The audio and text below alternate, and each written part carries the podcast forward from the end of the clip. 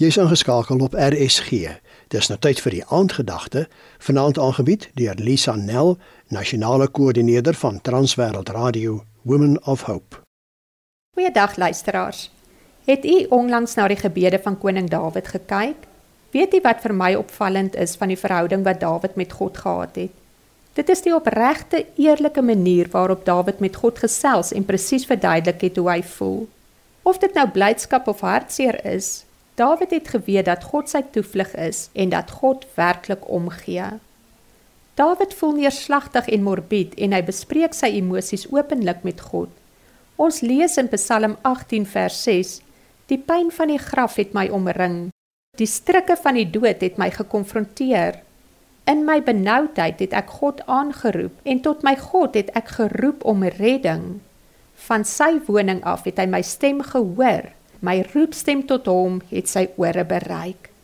Hoe gerusstellend om te weet dat God elkeen van ons hoor wanneer ons tot hom roep.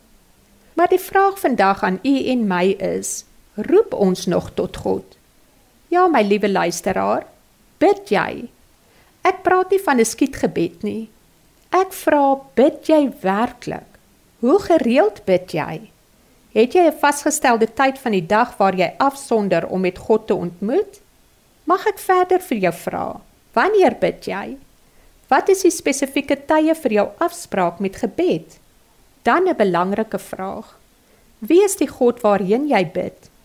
Wanneer ons na die inhoud van ons gebed kyk, kan ons soos Dawid met God praat oor enige iets of oor alles en nog wat? Onthou jy nog die dae toe ons nog saam met ons kinders om die etenstafel Bybel gelees en gebid het? Die dae toe ons nog antwoorde op gebede vergelyk het en met mekaar bespreek het.